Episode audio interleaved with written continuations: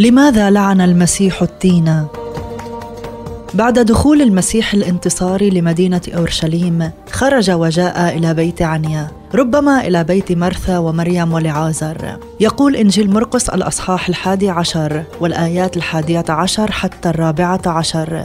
وفي الغد لما خرجوا من بيت عنيا جاع فنظر شجرة تين من بعيد عليها ورق وجاء لعله يجد فيها شيئا.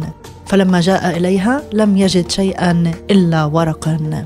فأجاب يسوع وقال لها لا يأكل أحد منك ثمرا بعد إلى الأبد. وفي الصباح إذ كانوا مجتازين أي المسيح وتلاميذه رأوا التينة قد يبست من الأصول. فتذكر بطرس وقال له يا سيدي انظر التينة التي لعنتها قد يبست. وهنا يتساءل البعض لماذا لعن المسيح هذه الشجرة؟ وجعلها تيبس. لشجرة التين دلالات خاصة في الكتاب المقدس. فمنذ الخليقة عندما سقط آدم وحواء في الخطية والعصيان على الله صنعوا لأنفسهما اقمصه من أوراق شجر التين. ولكن بالطبع هذه الاقمصه لم تدم لأن ورق التين يجف ويذبل. أعطاهم الرب اقمصه جلدية مأخوذة من حيوان ذبح. وهذا رمز للكفارة التي فيها يسفك الدم لأجل خطية الإنسان وفي العهد القديم ترمز شجرة التين لشعب إسرائيل، والتينة الردية ترمز إلى الأمة التي ابتعدت عن عبادة الله وتركت وصاياه ولم تكن لها شهادة حية في العالم.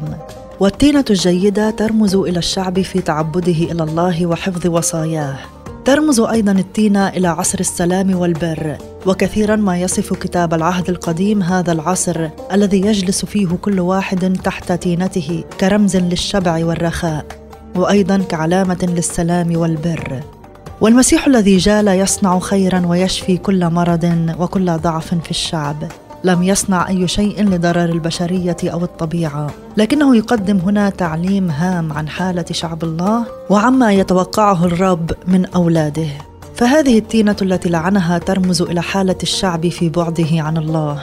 بها أوراق كثيرة وتبدو كأن لها ثمار وفائدة وفي الواقع لم يكن فيها أي ثمر. فهي مثل المتدين الذي يظهر في صورة التقوى ولكن ليس له ثمر. والمسيح ينتظر أن هذا الشخص ينمو ويأتي بثمر. في مثال آخر تحدث الرب يسوع عن صاحب كرم. كان لديه تينة لا تصنع ثمرا وأمر صاحب هذا الكرم أن تقطع التينة. لكن الكرام توسل للسيد بقوله دعني أنقب حولها هذه السنة أيضا. وهنا أكد الرب يسوع على أنه يجب أن تعطى هذه التينة فرصة أخرى للإثمار. إلا أن الموقف الذي نحن بصدده مختلف. فهذه التينه بها أوراق وتبدو كأن بها ثمر لكن في الواقع لم يكن بها أي ثمر.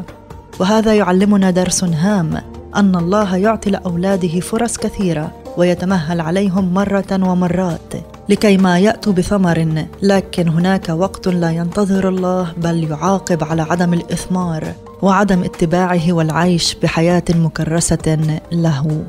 نرى هنا أنات الرب يسوع وعدالته. فهو لا يشاء أن يهلك أناس بل أن يقبل الجميع إلى التوبة. لكن هناك وقت سوف يدين فيه الناس. كل إنسان بحسب ما فعل. في نفس الوقت علم الرب يسوع تلاميذه درسا هاما عن الإيمان. جاء في إنجيل مرقس الأصحاح الحادي عشر والآية الثانية والعشرين حتى الرابعة والعشرين. فأجاب يسوع وقال لهم ليكن لكم إيمان بالله.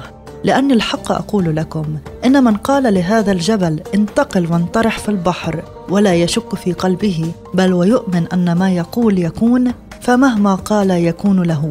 لذلك أقول لكم كل ما تطلبونه حينما تصلون فآمنوا أن تنالوه فيكون لكم. الرب يستطيع كل شيء الرب يستطيع تحقيق المستحيل مهما طلبتم. والمسيح يؤكد لنا اطلبوا اولا ملكوت الله وبره وهذه كلها تزاد لكم. ما الذي نتعلمه من هذا الموقف؟ وما هو المعنى الذي قصده الرب يسوع من جفاف التينة التي تشير لأمة إسرائيل؟ هل لديك إيمان كامل في قدرة الله أنه يستطيع أن يحقق كل شيء كان بحسب إرادته ولتتميم ملكوته؟